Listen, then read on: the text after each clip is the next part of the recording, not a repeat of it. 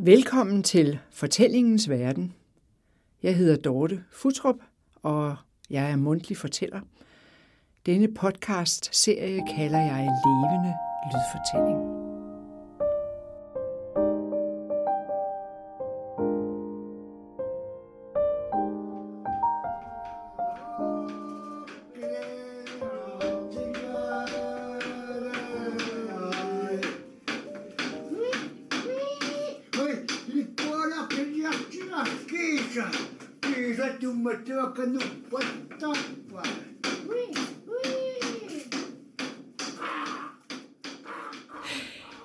Episode 2 i denne serie Levende Lydfortælling kaldte jeg Hullet i himlen og andre fortællinger fra Grønland. Her i episode 9 skal vi atter til Grønland. I årene 1985-90 arbejdede jeg som bibliotekar i Nuuk, først på det grønlandske landsbibliotek og på Ilniafisuak, Grønlands Seminarium, og siden på Ilisimatusarfik, Grønlands Universitet.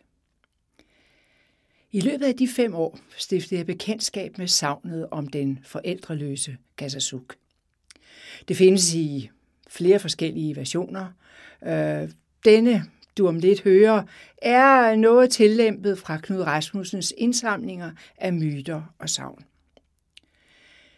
Dybden i fortællingen om Kasasuk blev først rigtig tydelig for mig nytårsmorgen den 1. januar 1990, hvor daværende landstyrformand Jonathan Motsfeldt kom med følgende replik på grønlandsk tv. Kassasuk lever stadig, sagde han.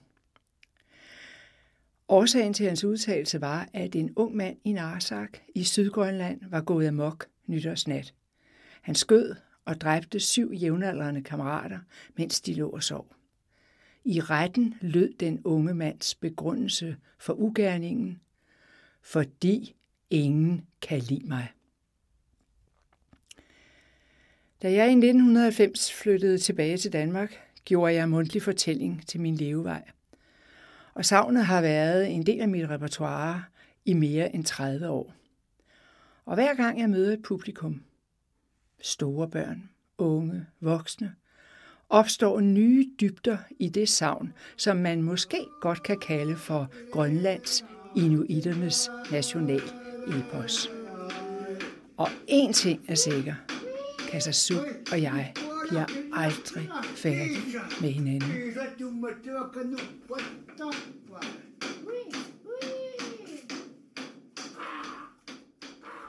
På en boplads i Grønland levede engang en mand og en kone, som var ulykkelige, fordi de ingen børn havde. Konen havde ganske vist født flere børn, men øh, enten var de døde ved fødslen, eller også døde de kort tid efter. Så skete det, at konen igen blev gravid. Hun fødte en søn, og de gav ham navnet Kasasuk.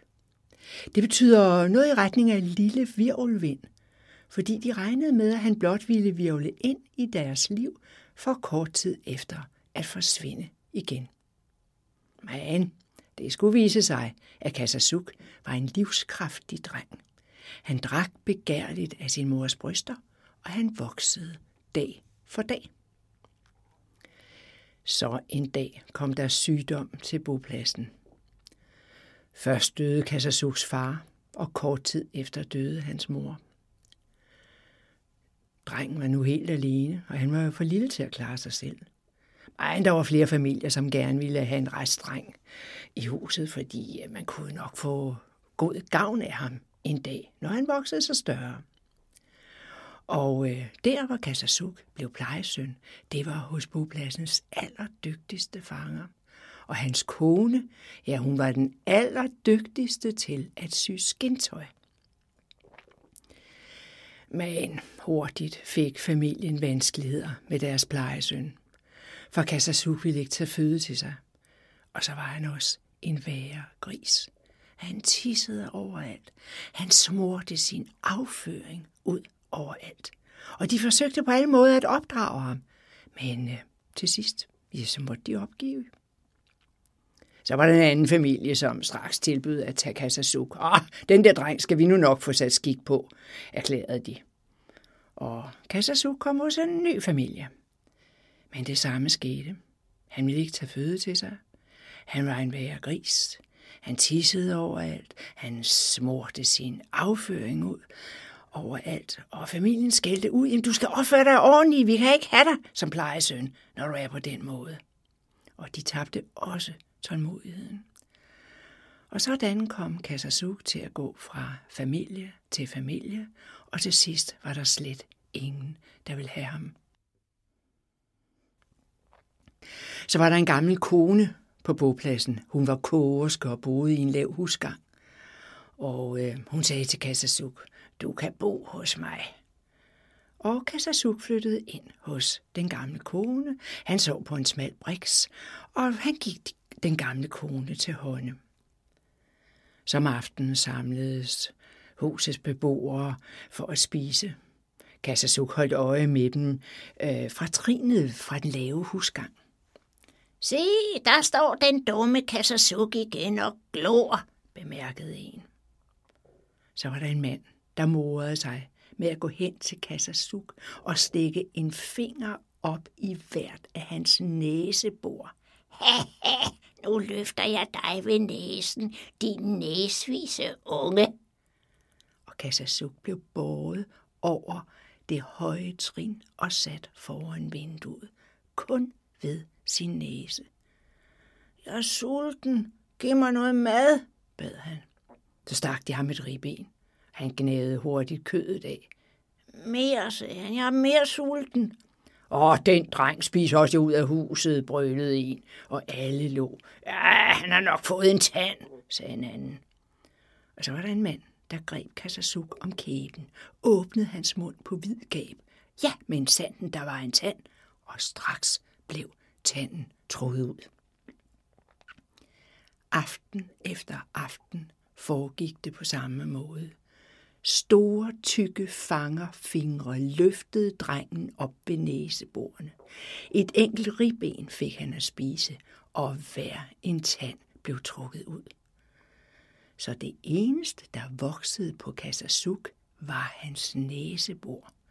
De blev kæmpe store og fyldte snart halvdelen af hans kinder. Men det var ikke blot de voksne, der pinte og plagede Kassasuk. Det gjorde børnene også. Drengene, ja, de slog ham, de sparkede ham. De gjorde alt det onde, som drengen kan finde på at gøre ved hinanden. Og pigerne, de var ikke meget bedre, for de havde de mest spidsfindige ondskabsfuldheder over for Kassasuk. Således voksede drengen op, omgivet af plageånder. Der var en gammel mand på bopladsen. Han boede i samme hus som Kassasuk og ville gerne gøre noget godt for drengen. Så en dag havde han øh, skåret en legetøjsharpun til Kassasuk, som han forærede ham. Kassasuk havde aldrig haft noget legetøj før, og fuld af glæde løb han ud til de andre drenge, og så sagde han, se, se, se hvad jeg har fået, en harpun. Øh, vil I lege med mig nu? Så var der en flok drenge, som nærmede sig. Kom med den harpun. Giv den straks til os. En stor dreng greb harpunen og brækkede den i små stykker. Børnene trampede på resterne. Efter et stykke tid fik Kassasuk igen en gave af den gamle mand. Det var en legetøjskajak. En lille kajakmand, sirligt udskåret i træ med fangstredskaber, sad i en kajak af afhåret sælskin. Ej, hvor er den flot! Mange tak, sagde Kassasuk. Og så løb han straks ud til de andre børn. Se, se, hvad jeg har fået, en, en kajak, råbte han. Og, øh, men I må gerne låne den. I må gerne lege med den hele dagen, hvis I vil det. Han gav den til en af drengene, som straks brækkede kajakken i tu og trampede på den. Værsgo, her har du din kajak og din kajakmand, lå drengen. Og så for den dag, der ophørte den gamle mand med at give Kassasu legetøj. Det nyttede jo ikke rigtig noget. Og pinserne fortsatte. Hver aften løftede de voksne Kassasuk ind med næsen, og de gav ham et enkelt ribben af gnave. De trak hans tænder ud, og børnene ydmygede ham. En dag trak den gamle mand Kassasuk til side, og så sagde han, jeg vil forsøge at hjælpe dig. Kan du se fjellet der langt borte? Det, det, det fjeld der, der er fladt på toppen. Der skal du gå op. Hvad skal jeg der? spurgte Kassasuk. Ja, ah, men når du kommer derop, så skal du kalde på kraftens herre. Og næste morgen stod Kassasuk meget tidligt op. Plejemor sov endnu. Hun lurede alligevel med det ene øje og tænkte sit. Gassasuk håbede at undgå de andre børn på bopladsen, men et par børn var allerede ude at lege. Hvor skal du hen? spurgte de. Ingen steder, mumlede han. Jo, du skal. Det kan vi tydeligt se. Men det kan vi da godt. Forhindre. Og så greb de fat i ham. De slog ham. De sparkede ham værre end nogensinde før. De fyldte hans store næsebor med skarn og slap ham først, da han ikke rørte sig mere. Efter en tid kom Kassasuk til sig selv. Han rejste sig, han rensede sin næsebor, han spyttede jord og snavs ud. Og så begyndte han sin vandring mod det fjeld, som den gamle havde udpeget. Undervejs prøvede han at sparke til nogle småsten og rive vækster op med rod, men det mislykkedes. Han havde ingen kræfter. Fra toppen af fjellet var der en hvid udsigt over landskabet. Gassasuk så sig omkring, og så satte han hænderne for munden og råbte, Gid kraftens herre må komme til mig. Han vendte sig, så i alle retninger. Intet skete. Så prøvede han igen, endnu højere. Gid kraftens herre må komme til mig. Så langt, langt borte opdagede han på himlen en mørk plet, som kom nærmere og nærmere. Han anede omridset af et dyr. Et dyr med fire ben og lang hale. Da dyret landede foran ham, så han, at dyrets ansigt var et menneskeansigt, og det kunne tale. Jeg er kraftens herre. Tak, at du kaldte på mig. Det er længe siden, at nogen har haft brug for min hjælp. Og Kassasuk stirrede forbløffet på det mærkværdige dyr. Tag min hale omkring dit liv. Kassasuk rullede sig ind i dyrets hale, og med en voldsom kraft blev han kastet op i luften. Han landede på jorden, han trimlede rundt, og han rejste sig fortumlet og så sig tilbage. Da opdagede han noget meget mærkeligt. For mængder af legetøj var faldet ud af hans krop. Kraftens herre sagde, det er alt det, der hindrer dig i at vokse. Tag nu min hale omkring dit liv igen. Kassasuk havde lyd, og atter blev han kastet op i luften, landede og trimlede rundt, og igen faldt der legetøj ud af hans krop, men ikke så meget som første gang. Du har fået kræfter, som du skal skjule. Gå hjem til din boplads, men kom igen i morgen, så vil jeg atter hjælpe dig, sagde kraftens herre. På vej tilbage sparkede Kassasuk til nogle småsten. Ja, bare sådan for sjov og de spredte sig om ham. Han trak småvækster op med rod så let som ingenting. Næste morgen, mens hele bopladsen endnu sov, begav Kassasu sig afsted mod det høje fjeld. På toppen kaldte han, Gid kraftens herre må komme til mig. Og intet skete, akkurat som dagen før. Og igen kaldte han, Gid kraftens herre må komme til mig. Da så han dyret nærme sig på himlen. Det landede igen foran ham og sagde, Rul dig ind i min hale. Kassasuk gjorde det, og kraftens herre kastede ham gennem luften. Han slog en enkelt koldbøtte, men kom hurtigt på benene. Og kun en lille smule legetøj faldt ud af hans krop. Og efter endnu et kast var han renset.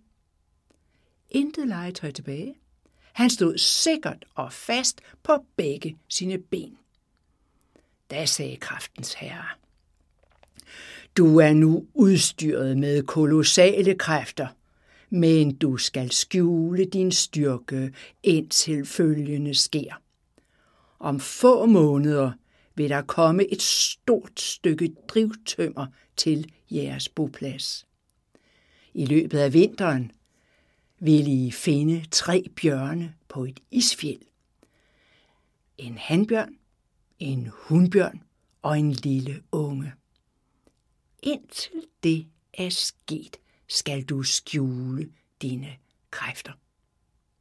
Og så lettede dyret og forsvandt i det fjerne. Og Kassasuk stod forundret tilbage, og langsomt begyndte han at gå ned til bopladsen. Og for sjov prøvede han at sparke til en klippesten. Ja, altså sådan en stor, en meter høj klippesten. Og tænk ved det spark, der delte stenen sig i to stykker. Han trak i buske, og de røg i vejret med rod. Da vidste Kassasuk, at han nu var udstyret med helt uovervindelige kræfter. Den følgende tid fortsatte pinslerne. Hver aften trak de voksne Kassasuk ind med næsen. De gav ham ribben at spise. De trak hans tænder ud. Piger og drenge hånede ham for hans store næse. De gav ham slag og spark. Og Kassasuk, han fandt sig i alle ydmygelser, skønt han vidste, at han var så stærk, at han med lethed kunne klare dem alle. En sen aften kom et stort stykke drivtømmer til bopladsen. En flok mænd havde på deres fangstrejse set det ligge i vandet, og de sugede det fast med fangeliner, trak det op mellem sig i deres kajakker, og ved bredden fastgjorde de drivtømmeret ved hjælp af flere fangeliner. Havet kunne jo tage det i løbet af natten. Kassasuk kiggede på, og da han senere lå på briksen, så vidste han med et, at det var det første tegn, som kraftens herre havde varslet, nemlig et stort stykke drivtømmer. I løbet af natten stod han op. Han gik ned til bredden og trak i drivtømmeret. Alle fangeliner bræst, som om det var sytråd. Med besvær fik han bukseret det tunge, våde træ op på sin skulder, og så begyndte han at gå. Og ved det hus, hvor hans værste plageånder boede, satte han tømmeret i jorden, sådan en lille smule på skrå. Så hvis det faldt, så ville det smadre alt og alle i huset. Nej, der betænkte han sig og lagde drivtømmeret på jorden. Næste morgen var der stor bestyrtelse på bopladsen. For hvor var drivtømmeret blevet af? Hvordan, jamen, hvordan var det havnet bag huset? Hvem havde båret det væk? Er det dig? spurgte man bopladsens stærkeste mand. Manden benægtede. Øh, skønt han var stærk, så kunne han nu alligevel ikke bære sådan et kæmpe stykke drivtømmer, sagde han. Og så begyndte folk at skære tømmeret op. Og sådan noget drivtømmer, det havde jo mange anvendelsesmuligheder. Man kunne bruge det til husbygning, til kajakker, til konebåde og mange forskellige slags redskaber. Vinteren kom. Havet frøs til is. Et stort isfjeld var strandet ret ud for bopladsen. Og en morgenstund lød der råb. Der er bjørn! Der er bjørn! Tre bjørne er set på isfjellet. En hanbjørn, en hundbjørn og en lille unge. Høj, der lød et brøl for bopladsens raske mænd og raske drenge. De gjorde sig klar til kamp. For alle vidste, at en dreng kunne kun blive en mand, når han havde nedlagt sin første bjørn. Kassasuk mærkede nu blodet dunke i sin krop. Nu vidste han, at dagen var kommet, hvor han kunne vise sine kolossale kræfter. Plejemor, øh, må jeg ikke låne dine kamikker? Min egen er slidt, og de er alt for små, sagde han. Jo, sagde plejemor. Men du skal love mig, at jeg får en overdyne og en underdyne af bjørneskin. Kassasuk svarede ikke, men plejemor smilede medvidende, da han tog hendes kamikker på. Og ud over isen gik det så i en rasende fart. Iskrystaller blinkede som stjerner efter kamikkerne. Og neden for det høje isfjeld stod bopladsens mænd og drenge på ræd og række. De diskuterede ivrigt, hvordan de skulle dræbe de der tre på hjørne. Men ingen handlede af lutter frygt. Indtil en fik øje på Kassasuk. Ha, se hvem der kommer der. Kassasuk, den lille splejs, som om han kan slås med bjørn. Og alle lå hånligt, men drengen værdigede ikke sin plage under et eneste blik. I stedet fik han yderligere kræfter ved at se sine bopladsfælders feje magtesløshed. Han løb direkte til isfjellet, og med sine bare næver huggede han trin ind i isen et for et, således at det blev til en trappe, han kunne kravle op på. Snart stod han på toppen af isfjellet. Bjørnen jagtog ham vagtsomt. Den store handbjørn kom mod ham, og den rejste sig op på bagbenene, og med sin store lap gjorde den udfald. Kassasuk vendte sig lynhurtigt, og bjørnens lap ramte hans ryg. Ganske uskadt drejede han sig omkring, greb bjørnens bagben, løftede den over hovedet og hamrede den ned i isen. Og hjerneskallen bræst. Hanbjørnen var død øjeblikkelig. Hundbjørnen nærmede sig. Den rejste sig også på bagbenene og gjorde udfald mod Kassasuk. Han vendte sig igen lynhurtigt, og bjørnen slap ramte hans ryg. Uskat drejede han rundt, greb bagbenene, løftede hundbjørnen i vejret og smadrede den mod isen. Hofteskålen bræst, og bjørnen var død. Så kom den lille unge. Gadagum, gadagum, gadagum, gadagum. Han greb ungen i det ene bagben, slyngede den som en lasso, tyk, tyk, tyk, tyk, tyk, tyk, gaslip, og sendte den direkte ned på isen til sin bopladsfælder. Værsgo, her har I jeres fangstpart, råbte han. Det kan nok være, de gjorde store øjne. Kassasuk havde med sine bare næver dræbt tre isbjørne. Men nu stod Kassasuk så med de der to tunge, døde bjørnekroppe på toppen af isfjellet. Og han fik øh, med besvær bukseret først den ene og så den anden op på sin ryg, og så kravlede han baglæns ned af den trappe, han havde hamret med sine bare næver, og da han kom ned på isen, begyndte han at gå i retning af bopladsen.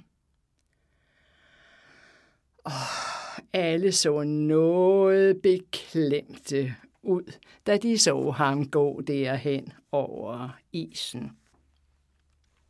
Så skete der noget sært, fordi øh, alle de der boblasfælder, som tidligere havde været hans fjender, de blev pludselig hans venner. Og vi vil hjælpe dig, kære Kassasuk. Du skal da ikke bære de tunge dyr alene. Du kan da ødelægge din ryg. Lad os nu hjælpe dig. Og de omringede ham med al deres falske hjælpsomhed. Jeg klarer mig selv, frisede han. Og uden for den lave husgang ventede plejemor. Hun så smilende til, da Kassasuk smed de to døde isbjørne foran hende med ordene. Værsgo, plejemor, her har du så både til en overdyne og en underdyne af bjørneskin.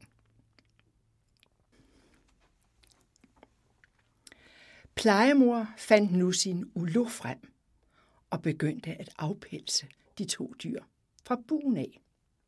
Hun skar kødet i passende stykker. Det var brystkødet, de skulle have, fordi det er det allerbedste på en bjørn. Hun lagde det i en gryde, som blev sat over ilden. Og snart bredte der sig en livlig lugt af bjørnekød. Mm, folk gik rundt og slog sig på maven i forventning om det særlige og snarlige festmåltid. Maden er færdig, kaldte den gamle kone lidt senere. Og mænd og kvinder samledes i huset og begyndte at spise. I den lave husgang stod Kassasuk som sædvanlig og ventede på at blive trukket ind ved næsen. Men ingen kom hen til ham. Der spurgte den gamle mand, Hvem løfter Kassasuk i aften? Ikke mig, ikke mig, heller ikke mig, mumlede alle mændene, og de koncentrerede sig vældig omkring maden. Nå, sagde den gamle, jamen så, så må jeg jo selv gøre det. Og den gamle mand gik hen til Kassasuk og stak sine krogede fingre ind i hans næsebor, og med besvær løftede han drengen til vinduet. Da lød det fra de andre. Kom da hen til os, Kassasuk. Du skal da ikke stå der ved vinduet og fryse. Du kan blive forkølet. Og de gjorde plads til ham. Og så sagde de ivrigt, spis nu, kære ven, spis endelig det her dejlige bjørnekød. Jeg har ingen tænder. Jeg kan ikke tykke kødet, og jeg har ingen kniv til at skære, sagde han. Nå, du kan da låne vores kniv. Og snart havde han en helt bjerg og knive foran sig. Og da tog Kassasuk et stykke kød og begyndte at skære det ud i fine strimler, som han gumlede løb, og han skar, og han tykkede, han gumlede, han sank, og han tykkede i lang, lang tid. Drengen havde aldrig før prøvet at spise sig midt. Og til sidst kunne han ikke presse en eneste kødstrimmel ned. Åh, sagde han, nu skal det gøre godt med noget vand, noget frisk vand, sagde han, og så slog han sig på den fyldte mave. Hen noget vand til Kassasuk, sagde en far til sine to unge døtre. Og pigerne løb ud, og de kom straks efter tilbage med frisk vand. De serverede det for Kassasuk og så på ham, og Kassasuk han drak begærligt det her vand. Og så kaldte han den ene pige til sig. Og så sagde han, kom, min søde pige, lad mig kæle lidt for dig, fordi du var så sød at hente vand til mig. Og den unge pige syntes ganske godt om Kassasuk. Og hun gik hen til ham, og ja, han omfavnede hende sådan ganske let. Og hun sank død om i hans arme. Han så lamslået på den døde pige, og så sagde han, jamen, jamen, jamen jeg vidste ikke, at hun var så skrøbelig. Jeg, jeg ved jo ikke noget om, om piger. Jeg vidste ikke, at de så lidt kunne gå i stykker. Så så han på pigens søster, og så sagde han til hende, kom du hen til mig så i stedet for? Men den unge pige, hun ved for skrækket tilbage. Øh, hun kunne se den døde søster, men så tog hendes far fat i hende og sagde, tog hende hårdt i armen og sagde, nu skal du gå hen til Kassasuk, når han beder dig om det. Og modvilligt lod pigen sig fagne. Han trykkede hende ganske let, og hun sank død om i hans arme. Jamen, sagde Kazuki, er piger virkelig så skrøbelige? Jamen, jeg anede da ikke, at de så let kunne gå i stykker. Så beroligede faren til de to piger Kassasuk ved at sige, det betyder ikke noget. Mine døtre duede alligevel kun til at hente vand. Den stærkeste mand på bopladsen boede i det samme hus. Kasasuk stillede sig hen ved siden af ham. Så lagde han sin arm venskabeligt omkring hans skuldre og trykkede en ganske lille smule. Alligevel gik luften ud af den stærke mand, som om det var en ballon.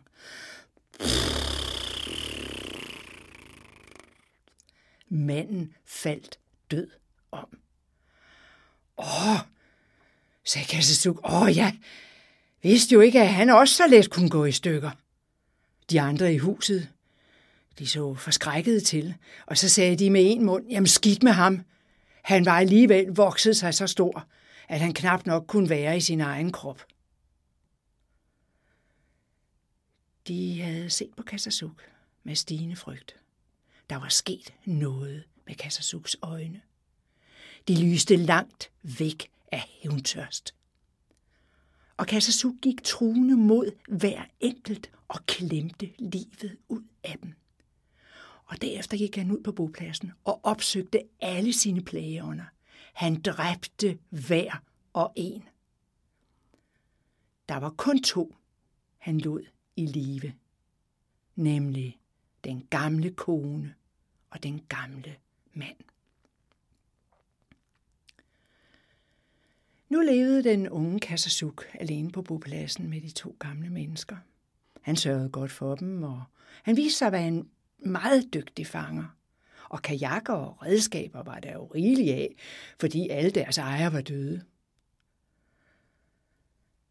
Desværre var det sådan, at når Kassasuk var på fangstrejse, så kunne han ikke dy sig for at opsøge andre bopladser.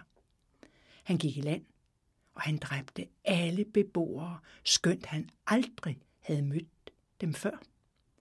Og snart gik rygtet om den forfærdelige Kassasuk, som kom for at dræbe.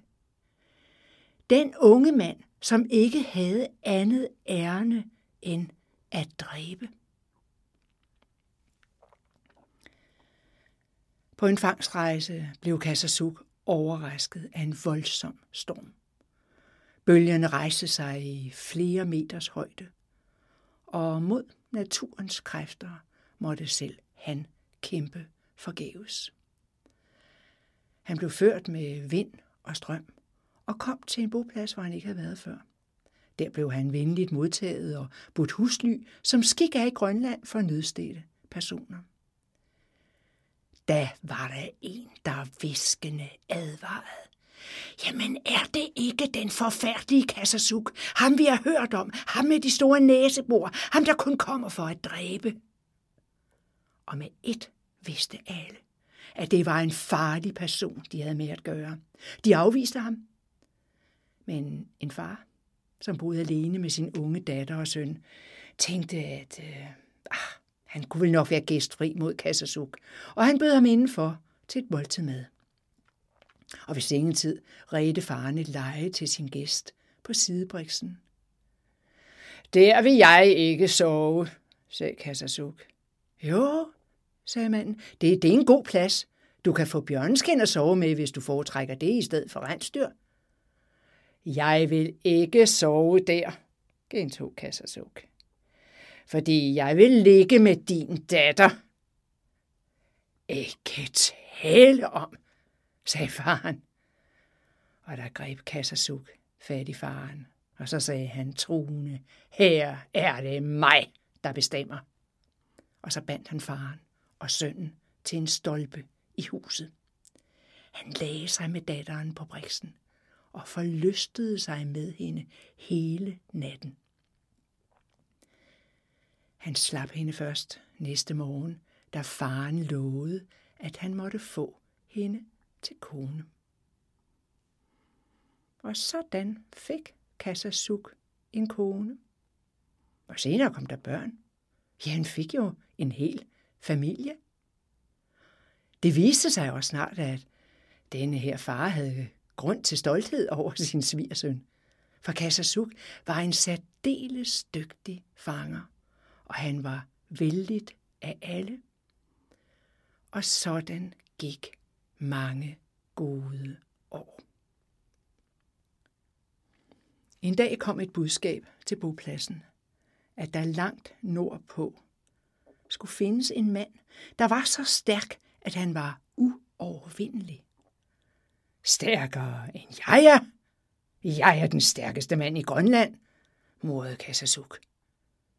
Men rygtet var vedholdende om den der stærke mand. Det ville Kasasuke ikke have siddende på sig. Jeg vil kæmpe mod ham. Jeg vil vinde over ham. Jeg tager straks afsted for at finde den såkaldt uovervindelige. Han pakkede ganske få ejendele i sin kajak, og så tog han afsked med sin familie. I månedsvis roede han nordpå. Undervejs dansede han og spurgte folk på andre bopladser, er, er, er det her den stærkeste mand i Grønland bor? Nej, sagde de, du skal meget længere mod nord. Om sider kom han til det sted, hvor folk kunne bekræfte, at den stærke boede. Lad mig møde ham straks, sagde Kassasuk.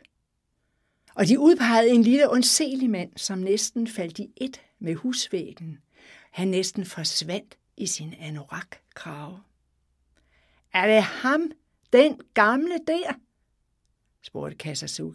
Ej, så lad dig kampen begynde straks, så jeg kan vise min styrke i forhold til ham.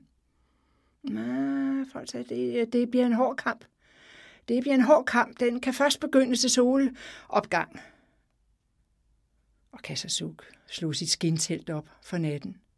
Og tidligt næste morgen var han parat. Han dirrede over hele kroppen for at bruge sine kolossale kræfter igen. Alle bopladsfælder samledes på kamppladsen. De kæmpende blev placeret over for hinanden, og så lød signalet til start på kampen. Gasuk løb i stærk fart mod den lille mand og greb ham om livet. Men manden gled fra ham. Så forsøgte han igen og igen. Det samme skete. Manden var ligesom en slimet laks. Kassasu kunne ikke fastholde ham. Og den gamle mand, han virkede sådan helt forsvarsløs og sært fraværende. Han stod sådan og vejede lidt fra side til side. Og nu kom solen højt på himlen, og det blev middag, det blev eftermiddag, og solnedgang nærmede sig. Og Kassasu kæmpede stadig forgæves mod den der slimede laks. Der råbte en. Nu er det vist på tide at få den kamp afsluttet. Der var det, som om den lille mand vågnede.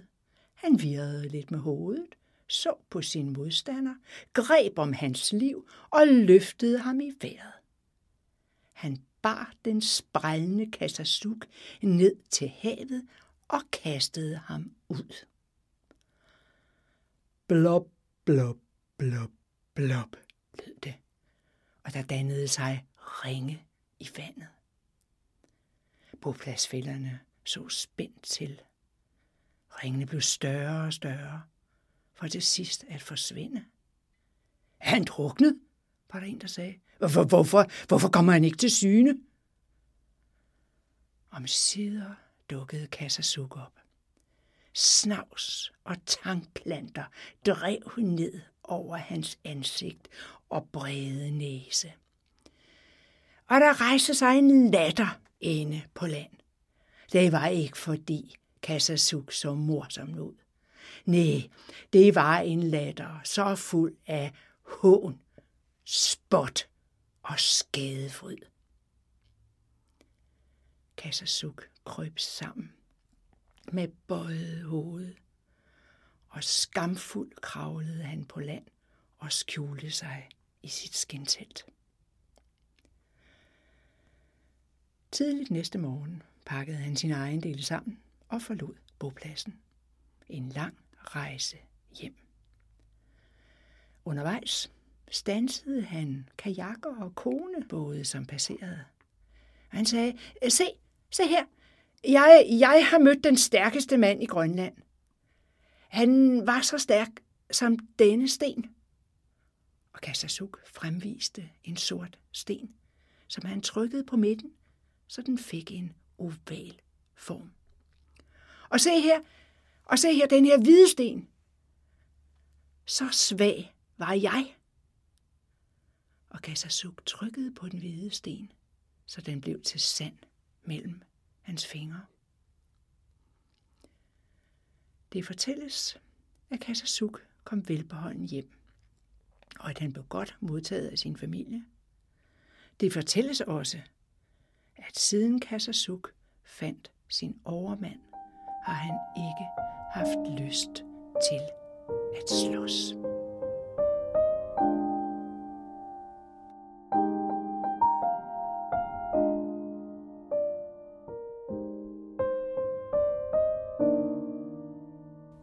Du har lyttet til Levende Lydfortælling med mig, Dorte Futrup. Tak fordi du lyttede med.